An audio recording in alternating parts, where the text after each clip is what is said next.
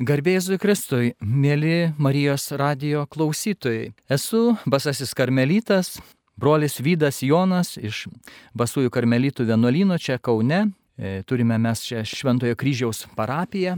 Ir labai dėkoju Marijos radijui, kad vėl galiu pakalbėti apie mūsų vienuolino įkūrėją Šventąjį kryžiaus Joną. Šventasis kryžiaus Jonas yra su Šventaja Teresė mūsų vienuolino įkūrėjai tėvas ir Teresė mūsų motina mūsų vienuolynų, nes jie mūsų įkūrė. Praeitą savaitę čia irgi kalbėjau trumpai ir tiesiog pristačiau jo gyvenimą, kada jis gimė, kada mirė ir kaip ir tuo tas pirmas susitikimas užsibaigė.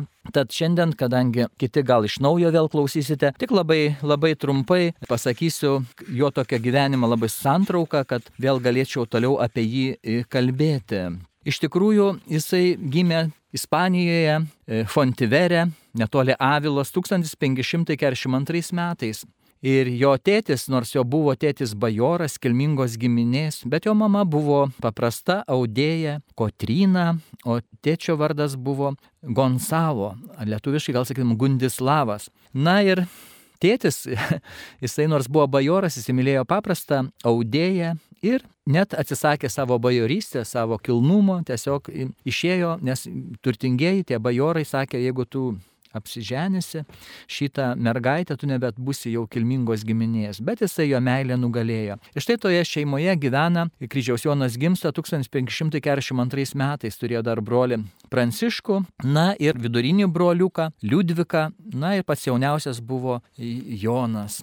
Žinome, kad dar vaikui būnant trijų metukų buvo Jonas, kai jo tevelis myrė ir mamytė turėjo su trim vaikais labai sunkiai vargti. Taigi jisai patyrė labai didelį neturtą nuo pat vaikystės. Jis su mama persikelia į, į tokį miestą Mediną del Campo ir ten jį paremė jezuitai, nes pamatė pamaldžią moterį su vaikučiais, su, tai yra su dviem vaikais ir reikėjo paremti ir Joną rėmė. Ir jisai mokslus pabaigė labai gerai mokinosi, buvo labai gabus. Na ir paskui jisai pasirenka ordiną, mūsų karmelitų ordiną. Kodėl pasirinko, šią savaitę sakiau, nes jis buvo labai pamaldus švenčiausią mergelę Mariją. Ir taip pat jam patiko, kad ordinas yra toks griežtas, kad yra ten kontemplatyvumo, tad malda, kontemplatyvi malda jam buvo labai. Na ir jisai per visą istoriją, aš jau aną savaitę kalbėjau, dabar tik labai trumpai pasakysiu, ką jisai nuveikė. Jisai e, susitiko su Terese 1567 metais ir Terese Teresė sužinojusi, kad jis nori tapti kartūzu, jam patiko kontemplatyvi malda, Marija norėjo atsitraukti į vienumą, sako, padėk man kurti naują reformuotą ordiną. Ir jis sutiko. Ir iš tikrųjų, ordinė jisai buvo labai reformatorius. Jisai e, buvo daugelio, e, jau minėjau, vienuolynų prioras, buvo e, priorų Segovijoje, buvo priorų Granadoje. Kurį laiką daug buvo net ir pačio provinciolo dešinioji ranka, buvo vikaras Andaluzijos vienuolynams. Vienu žodžiu, užėmė visą laiką vadovaujančias pareigas. Jisai įkūrė ir pirmąjį vienuolyną vyrų, ir paskui antrą. Taip pat jis įkūrė pirmąją aukštąją mokyklą dabartinėme Madride, ten netoli Madrido, Elkala de Enares, kur buvo formuojami basieji karmelitai. Taigi jis padėjo pagrindus visam karmeliui. Na, bet gyvenimo pabaigoje jis buvo atstumtas, buvo persekiojamas. Dar kai kūrė reformuotą ordiną, buvo konfliktai jurisdikcijos tarp basųjų karmelytų ir senosios regolos karmelytų. Ir jis buvo uždarytas net į kalėjimą, labai sunkiamis sąlygomis, net ir ten skriaudžiamas, mušamas. Ir išgyveno ten devynis mėnesius, paskui turėjo, jisai pabėgo iš to kalėjimo. Na, vienu žodžiu, istorija labai įdomi.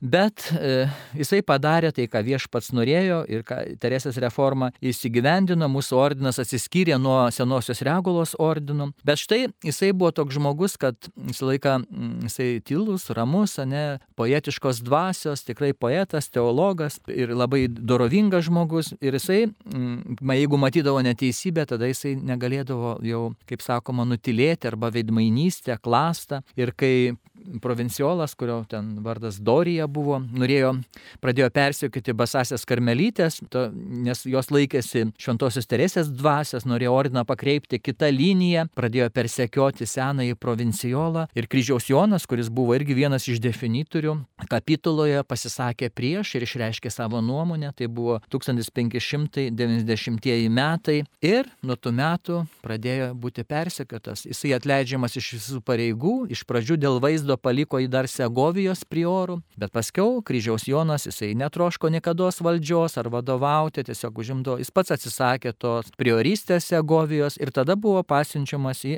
Andaluziją, į Ispanijos pietus ir ten jis miršta. Iš tikrųjų jis mirė, tai yra šiandien mes minime jo iškilmę, e, šiandien iš 13 dienos gruodžio į 14, 1 val. nakties jisai miršta. Ir šiandien yra švenčiama, galima sakyti, iškilmė įžengimo pas viešpat. Ir jisai žinome, kad yra paskelbtas ir bažnyčios šventuoju. Iš pradžių, aišku, palaimintuoju jį paskelbė popiežius e, Klemensas X 1675 metais. Toliau 1726 metais jau šventuoju jį paskelbė popiežius Benediktas XIII. Na, o 1926 metais rūpiučio 24 dieną popiežius Pijus XI paskelbė šventąjį kryžiaus Joną net bažnyčios mokytoju. Na, o 1552 metais kovo 21 dieną šventasis kryžiaus Jonas yra paskelbiamas ispanų poetų globėjų.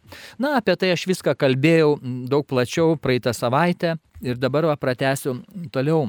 Šiandien tada norėčiau tik pakalbėti tiesiog apie šventąjį mūsų vienuolino įkūrėją, kaip jo paveikslą, kaip žmogaus. Koks jisai buvo? Aišku, yra, kas norite susipažinti, aš jau sakiau ir aną savaitę, yra labai gera knyga, kuri paprastai žodžiais pristato visus jo kūrinius, jo gyvenimą, jo mintis. Tai tokia yra paštuvos basusios karmelytės išleido knygą ir išleido Lion Matthew - Dievo įsiveržimas arba dvasinė kelionė su šventuoju kryžiaus Jonu. Bet čia ką kalbu, tikrai nėra iš tos knygos kopija, tik tai sakau, kad ji labai gera. O jeigu norime dar trumpiau su, su juo susipažinti, tai yra tokia irgi Basųjų karmelyčių išleista knyga. Jos leidžia tokią seriją labai labai gerą apie Karmelio šventuosius, vadinasi Karmelio knyga, vadinasi Šventasis kryžiaus Jonas, šviesos ir meilės posakiai. Ten yra visa ta chronologija jo gyvenimo ir tokie trumpi jo šventi posakiai, kuriuos jis duodavo e, toms seserims, vienuoliams, kai turėdavo išpažintis ar dvasinius pokalbius, jis mėgdavo duoti tokias sentencijas posakius. Tai tokia knygutė su 200 jo tokių posakių. Koks buvo dabar Šventasis kryžiaus Jonas? Ką galėtume pasakyti?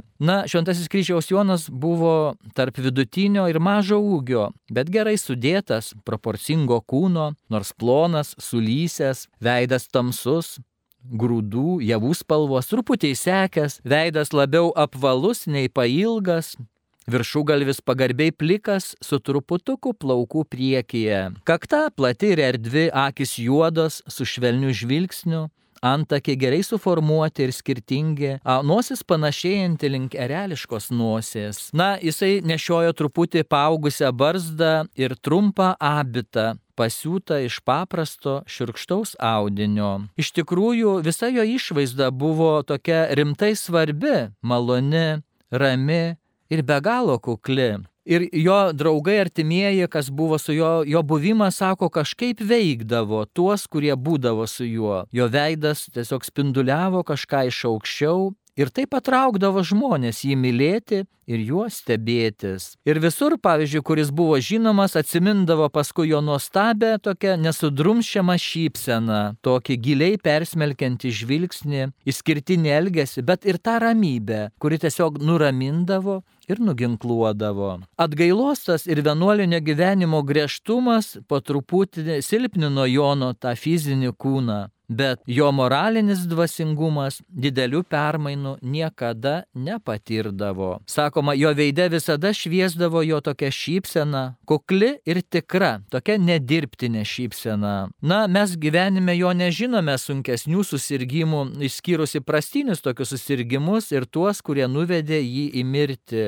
Jo kūnas buvo labai fiziškai atsparus, sprendžiant iš patirtų išbandymų vaikystėje ir ypač Toledo kalėjime. Na va, tai toks jo toks kaip žmogaus paveikslas. Bet dabar moralinis veidas yra žmogaus, o ne paveikslai irgi svarbus. Šventasis kryžiaus Jonas buvo tikras, grinas 16 amžiaus kastilijietis. Kas tai yra Kastilija? Ispanų kalba dar vadinama Castellano ir Ispanija vadinama Kastilija, Castellano. Ir gal tikriausia kilo žodis iš pilių, nes ten buvo daug pilių, ar ne, kaip ir Lietuvoje piliakalnių turėjom daug. Kastijo reiškia pilis, kastilietis, tai Ispanija buvo Kastilija. Ta jo gimtoji žemė, ta Ispanijos atšiaurumas, ypač to šiaurinė Ispanija, suformavo jame tokį griežtą, atgailaujantį, visko atsižandantį temperamentą. Iš jo gyvenamosios aplinkos tas kyla toks jo nuoširdumas, tokia stiprybė, pakenčiant skausmus ir atsižadant įvairių net gerybių. Ta iš jo tos žemės toks,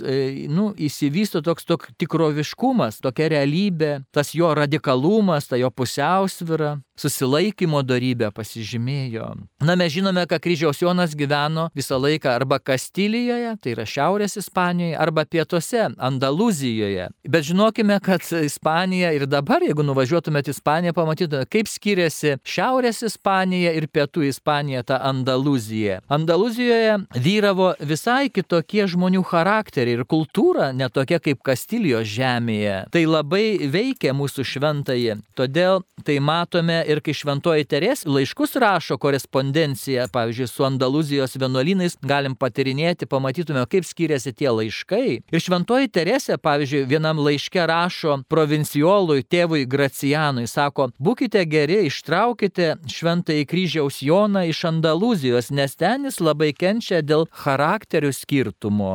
Aišku, kryžiaus Joną labai veikia tas Ispanijos oras, Kastilijos, ne? Oras, šviesa, Dangus padarė savo darbą jo fizinėme kūne ir sušildė jo sielą. Bet iš tikrųjų dėl geografijos skirtumų šventasis kryžiaus Jonas niekada nekentėjo. Jis tiesiog mėgo gamtą, nesvarbu, kur būtų ar Kastilijoje, ar Andalūzijoje, prisigerdavo uh, tos gamtos grožio ir tiesiog jį išreikšdavo savo paskutiniuose eilėraščiuose. Kas paskaitysit jo poeziją, pamatysit, kaip jis mylėjo gamtą. Ir štai šventasis kryžiaus Jonas išbūna gali galima sakyti, Andaluzijoje gražiausius ir geriausius savo gyvenimo metus. Ten susiranda savo geriausius draugus ir patikėtinius, visiškai susitaiko su Andalūzija, kai jau gyvenimo pabaigoj 1591 metais keliauja užbaigti savo gyvenimo dienas ten. Iš tikrųjų, visi liudininkai, visi broliai, seserys, kas jį pažinojo, tvirtina, kad brolis Jonas buvo nedrasus, nelabai kalbus, saikingas, bet kai kalbėdavo su žmonėmis, kalbėdavo meiliai ir maloniai. Taip pat žinoma, kad mokėjo pastoviai nesunkiai suderinti griežtumą su meilumu ir saikingumą su supratimu. Iš tikrųjų, Šventasis kryžiaus Jonas buvo tvarkingas ir metodiškas visame kame. Ir dar dalykas labai svarbus, kad mokėjo prisitaikyti prie įvairių aplinkybių ir situacijų. Ir štai jo ypatingas toks jautrumas, kaip jau minėjau, suvirpėdavo, kai jis pamatydavo gėri ir grožį. Jau visą tai geriausiai patvirtina jo paliktoji poezija. Ir štai ne tik jis paliko ne tik eilėrašius, bet paliko taip pat ir prozos kūrinius. Ir jo prozoje labiausiai vartojami įvaizdžiai, kokie yra. Yra susijęs su jo paties istorija ir pirmiausia yra jo motina. Jis daug vaizduoja motiną, kuri rūpinasi savo kūdikiu, jį maitina, jį moko vaikščioti, ir veda einantį už rankutės. Arba dar pas yra Dievo įvaizdis ir Dievas vaizduojamas kaip mylintis tėvas, kuris žiūri į savo kūrinį taip pat ne taip, kas su tėvo širdim, bet su motino širdim. Rūpinasi žmogumi kaip savo akies lelytę. Na, šventasis kryžiaus Jonas nebuvo Dievo apdovanotas bendravimo su žmonėmis dovana. Mokėjo atsakyti jiems, tačiau nuo širdžių dėkingumu už malonės ir gautus patarnavimus tarnavimus. Ir pavyzdžiui, jo bendradarbiai arba broliai ar seseris labai džiaugiasi begaliniu šventojo pasitikėjimu ir jo atsiverimu dvasiniuose pokalbiuose. Tada jis atsiverdavo iki galo. Visi jo dvasiniai vaikai, sūnus ir dukros, kurie prisartindavo prie jo, ieškodami šviesos ir paguodos, rasdavo jame tikrai motinišką širdį. Bet dar vienas įdomus dalykas, nors mes, basieji karmelitai, gyvename uždarose vienuolynuose, ne, ir, pavyzdžiui, mūsų seseris paštovoja, bet tai nebuvo kliūtis ir kryžiaus Jonui, kuris buvo uždaram vienuolynė, jungti su žmonių socialinėmis problemomis, kuriuose jie gyveno. Ir kaip sakau, ta kryžiaus Jono ir Teresės dvasia persikėlė net ir į Lietuvą. Dabar nesenai tiesiog rašiau tokį straipsnį apie mūsų seserų paštovoje istorinį atsikūrimą. Ir pat betirinėjant tą dešimt metų, kai įsikūrė Lietuvoje, kaip basosios karmelytės prisidėjo prie socialinių problemų sprendimo savo aplinkoje, paštovoje, batnevoje, aplinkui, kai jos neatsitraukė, kad mes tik melžiamės ir viskas. Ne, jos visą širdim įsijungė į Lietuvos kultūrą, pagalbą žmonėms. Taip ir kryžiaus Jonas mokindavo savo dukras ir savo brolius, kad jo raštuose randame šias figūras, pavyzdžiui, apie ką jis pasakoja poezijoje, ne? Aklojo Elgetos palidėtoje, lauko darbininką ir tarną, matome taip pat patarnautoją ir samdytą karį, dailininką ir skulptorių, poną ir ryterį. Jis pažįsta socialinę neligybę ir atstumus, kurie skiria vieną socialinį sluoksnį nuo kito, vieną rasę ar religiją nuo kitos rasės ir religijos, ypač judėjus ir musulmonus. Jam artimi kaimo varguolių darbai, pradedant nuo pupelio, ispaniškai los garbansos, kulimo iki mėgavimuose granatų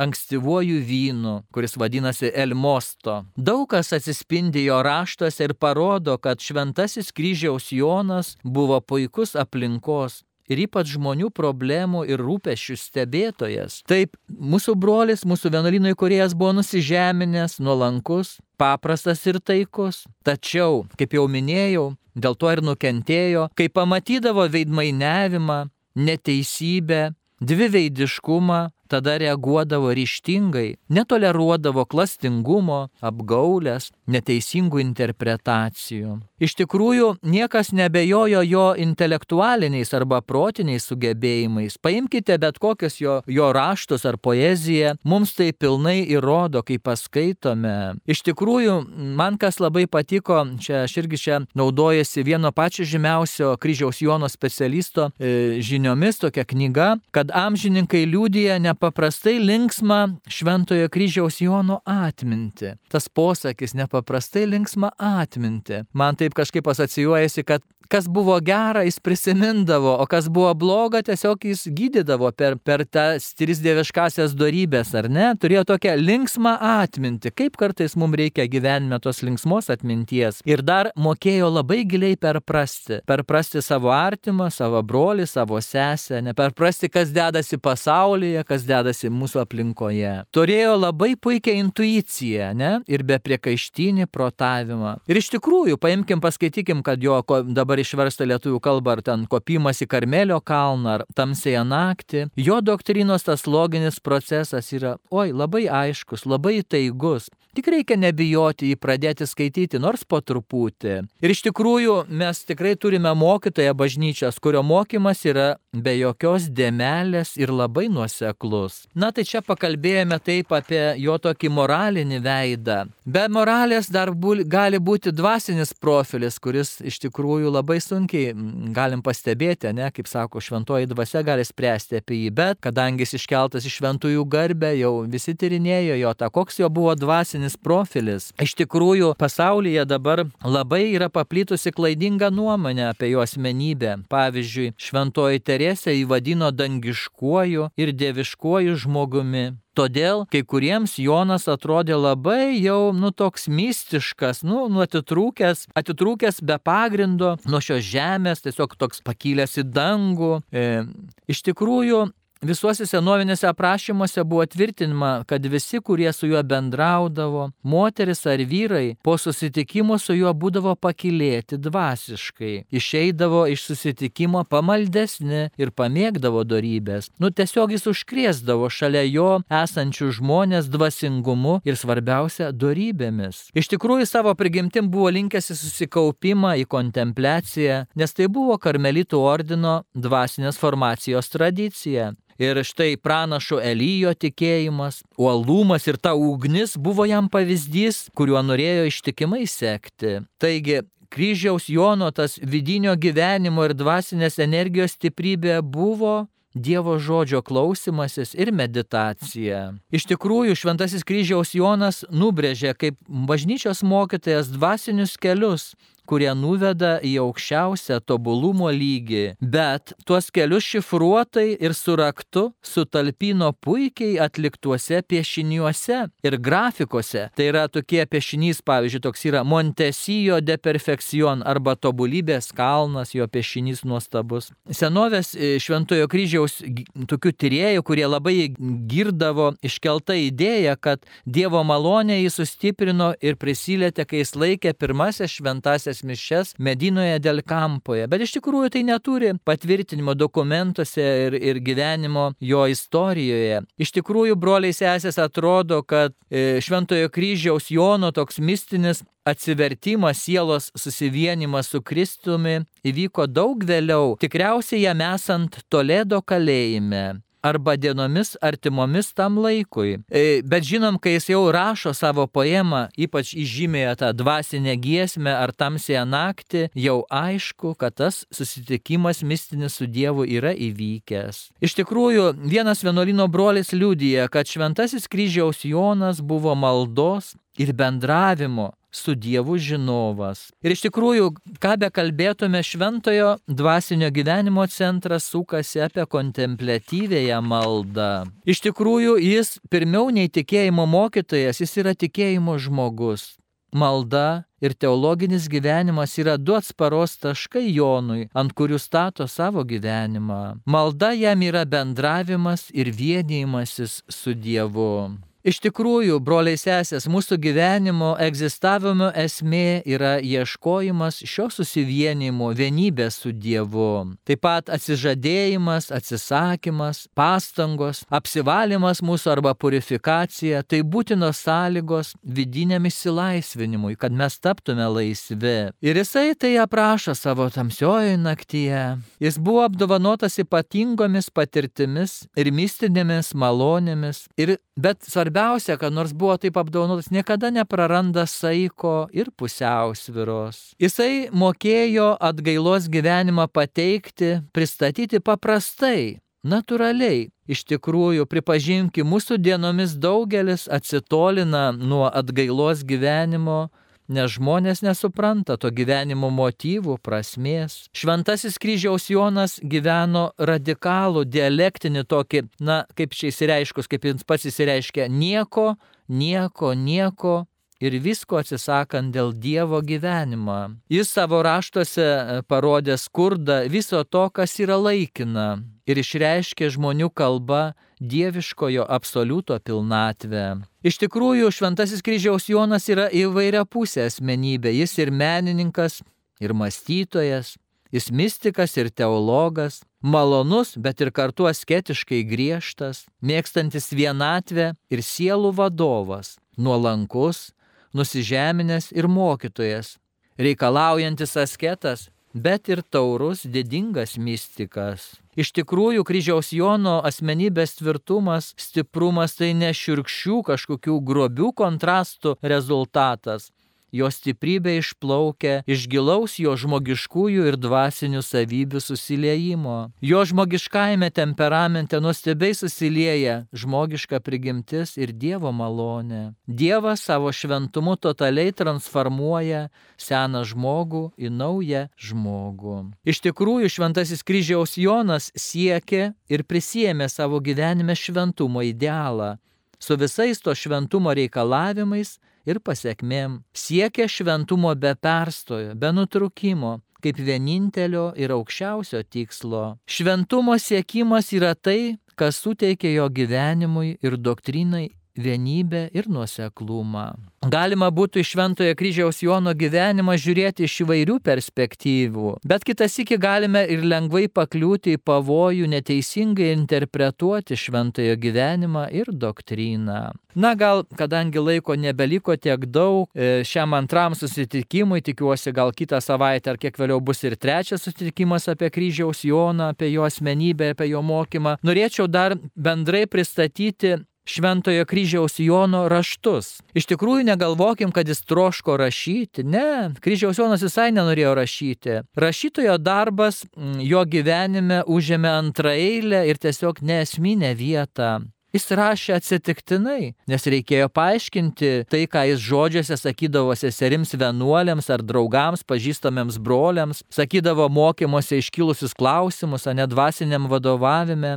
Nes to prašė, jo broliai sako, paaiškink mums sesės irgi sako, mes nesuprantame. Todėl gimė jo poezija ir ta jo poezija gimė, kai turėjo gilę jau mistinę patirtį. Jis gimė, galima sakyti, nors jau gimė truputėlį prieš kalėjimą, bet labiausia jinai gavo tą tokią dovaną kalėjime, tokią tos mistinės patirties. Nors šiaip reikia pasakyti, kad jis labiau gimė poetu, negu tapo juo. Ir štai ta poetinė forma buvo geriausia išraiška kalbėti apie mistinius reiškinius. Mes dažnai nesuprantame poetų, nes tik tai poetinė kalba tinka išreikšti mystikai. Paprastai žodžiais yra sunku apsakyti tai, kas vyksta žmogaus sieloje, dvasinėje patirtyje. Na, o prozos kūriniai e, gimė, kad jis galėtų vadovauti sieloms, taip pat kurios ateidavo, kreipdavosi pasi kaip dvasios vadovą. Visi šventojo kryžiaus kryžiaus kūriniai turi tokią pastoracinę ir pedagoginę paskirtį. Jokio ten nėra ten garbė šleif, arba aš kažką parašysiu, aš paliksiu apie mane kažką galvos. Ne, visi turi dėl kitų.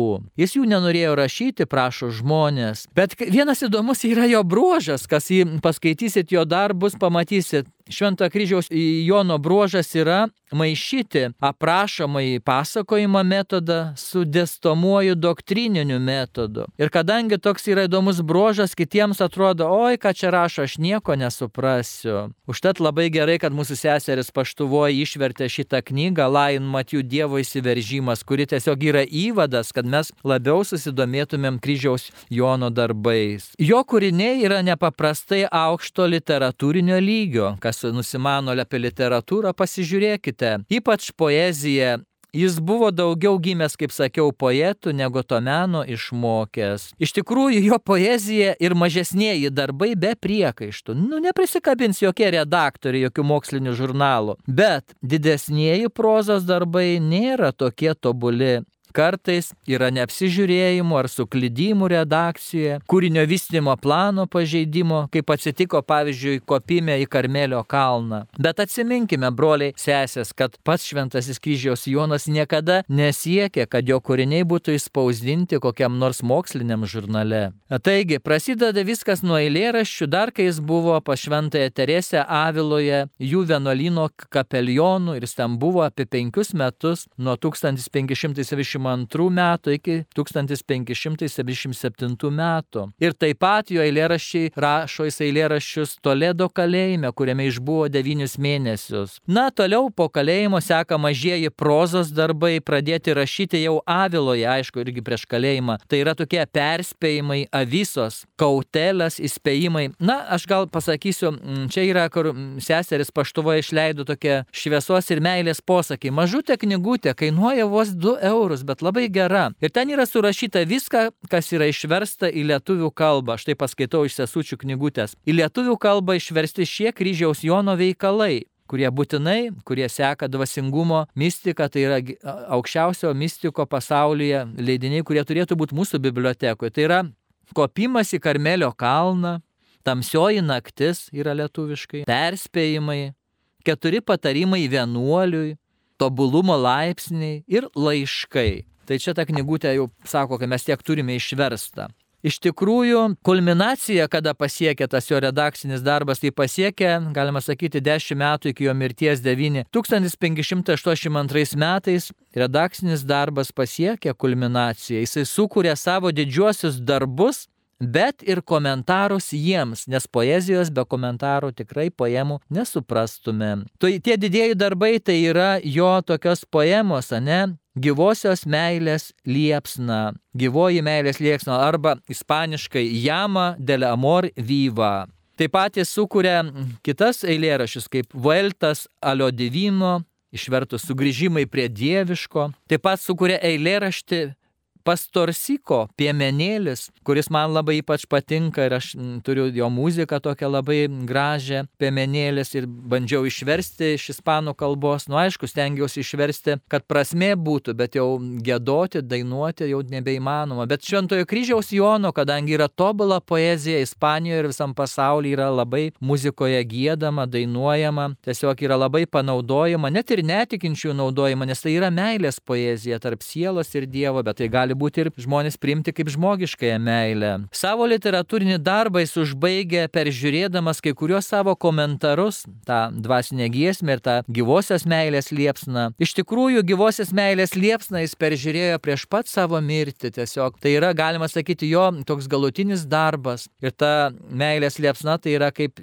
šventosios dvasios simbolis, koks yra Dievo veikimas, šventosios dvasios. Labai gaila, kad asmeninių, mums asmeninių Švento kryžiaus Jono laiškų išliko labai mažai, neatsimenu kiek, gal koks kel 20-30 gal yra, bet, bet gal ir netiek nėra. Tai laiškai rašyti jo paskutiniais gyvenimo metais, kai jis vadovavo ordinui, buvo užėmė aukštas pareigas. Na, rezumuojant visą tą procesą jo to kūrinių, pirmiausia, Šventasis kryžius Jonas turėjo gilias mistinės patirtis. Vėliau tai perteikia poeziją ir prozą, dar vėliau tai perteikia kitiems teoriškai. Tai ir mūsų gyvenimas taip turėtų vykti. Mes pirmiausia turėtume sutikti gyvą į Dievą ir paskui tada kažką tai, kai mes patys kažką suvokiam savo viduje, kai gimsta mūsų viduje ta poezija ir proza, tada tik kitiems perteikti teoriškai, kas irgi yra Dievo dovana, kaip sakė šventoji Teresė. Šiaip šventasis kryžiaus Jonas yra tylos žmogus. Tylėti ir veikti yra vienas iš jo bruožų. Yra tokia net ikona, kur šventasis kryžiaus Jonas pridėjęs pirštą prie lūpo ir sako, kajar į obrar - tylėti ir veikti. Mes jau esame pavargę kartais nuo žodžių, kartais reikia tikrai, kaip kryžiaus Jonas sako, tylėti ir veikti. Na, jeigu taip vardint visus jo darbus, aš poeziją galiu išvardinti, ką jisai sukūrė. Poema dvasinė gesmė Lietuvišką pirmas eilutės perskaitysiu. Kur tu pasislėpiai, mylimasis? 40 posmelių ir 200 eilučių. Poema Tamsioji naktis. Vieną tamsią naktį, aštuoni posmeliai arba 40 ir 40 eilučių. Poema gyvosios meilės liepsna, o gyvosios meilės liepsna. Keturi posmeliai, 24 eilutės. Eilėraštis šaltinis. Gerai žinau šaltinį, 11 posmelių, 35 eilutės. Piemenėlis pastorsyko, kuris man labai patinka. Piemenėlis vienas liūdės jelvartauja. Penki posmeliai, 20 eilučių. Apie švenčiausiąją trejybę ir įsikūnymą pradžioje buvo žodis. Labai džiaugiuosi, kad yra mokslo daktarė Juratė Misevičiūtė išvertė šią poemą jau į lietuvių kalbą. Židinyje atrodo yra praeitų metų. Apie švenčiausią treibę ir įsikūnymą pradžioje buvo žodis. Toliau parašė eilėraštį apie 137 psalmę virš tekančių vandenų. 68 eilutės, parašė eilėraštį Gyvenu negyvendamas savyje. 59 eilutės. Dar kitas eilėraštis vadinasi Įėjau, kur nežinojau, 59 eilutės. Toliau žymus eilėraštis yra po vieno meilės šuolio, 36 eilutės. Dar kitas eilėraštis be pagalbos ir su pagalba 30 eilučių. Na ir paskutinis eilėraštis per visą grožį 76 eilutės. Proza. Rašo Šventasis kryžiaus Jonas nedaug, bet su dideliu originalumu kaip pasiruošimą keturiems savo didiesiems darbams palieka mums tris savo mažuosius darbus arba raštus. Kokie yra? Va seseris išleido šitą knygutę Šviesos ir meilės posakius. Šiuo pavadinimu autorius aiškiai išreiškia knygelės turinį. Yra daug leidimų, visus leidimus apjungus yra išlikę apie 200 jo posakių. Toliau, perspėjimai, keturi patarimai vienuoliui. Ten yra aprašyta devyni perspėjimai, kad apsisaugotume nuo pasaulio, nuo demono, bet ir nuo savo kūno gundimų vienuolinėme gyvenime. Trumpas kūrinys užimantis apie šešius puslapius. Na, va, laiškai, kiek įdau čia jau sužinojau, kiek yra laiškų. Laiškai yra išlikę 33 laiškai, ar panašiai kaip 33 Kristaus metai. Labai vertingas jų dvasinis ir žmogiškasis turinys. Na, o didieji darbai kryžiaus Jono yra keturi. Kopimas į Karmelio kalną, tai labiausiai teologinis toks darbas jo yra išverstas į lietuvių kalbą. Toliau tamsioji naktis. Tai kryžiaus Jono darbas papildantis kopimą į Karmelio kalną ir paaiškinantis poemą Tamsioji naktis. Na, trečiasis didysis darbas yra dvasinė giesmė, žinoma, pasaulyje labai. Parašęs poemą tą dvasinę giesmę jis turėjo parašyti paskui eilutę komentuojančius komentarus, kiekvieną eilutę. Todėl dvasinė gesmė yra tas jo e, poema, bet ir yra taip pat komentarai kiekvieną eilutę. Į tą dvasinę giesmę eina visa jo teologinė sistema. Na ir paskutinis jo darbas yra gyvosios meilės liepsna. Vėl jau komentaras irgi eilėraščio aprašomas aukščiausias autentiškos meilės tarp Dievo ir žmogaus laipsnis. Dievo garbės ir šlovės aukščias, aukščiausias potyris. Tai būsena patiriama vienybėje su švenčiausia trejybė. Darbas sudaro apie šimtą puslapių. Tai va, brangus broliai ir seserį. Ir pabaigai sakau, tai ir yra visi to mūsų tėvo Šventojo kryžiaus Jono darbai. Jis, tas didysis poetas, parašė tik 957 eilutes. Prozos žanrų šis didysis mystikos ir dvasingumo teologas parašė truputį daugiau nei 800 puslapių. Taigi, rašyti yra vienas dalykas ir rašyti kokybiškai yra kitas dalykas. Žodžiams ankšta, o minčiai erdvu. Dėkoju visiems Marijos radijos klausytojams už išklausimą, gal Dievas duos ir mergelė Marija globos, kad mes gal dar susitiksime ir pratesime pokalbį apie šventąjį kryžiaus Joną, patį žymiausią, galima sakyti, katalikų bažnyčios mystiką ir mokytoją.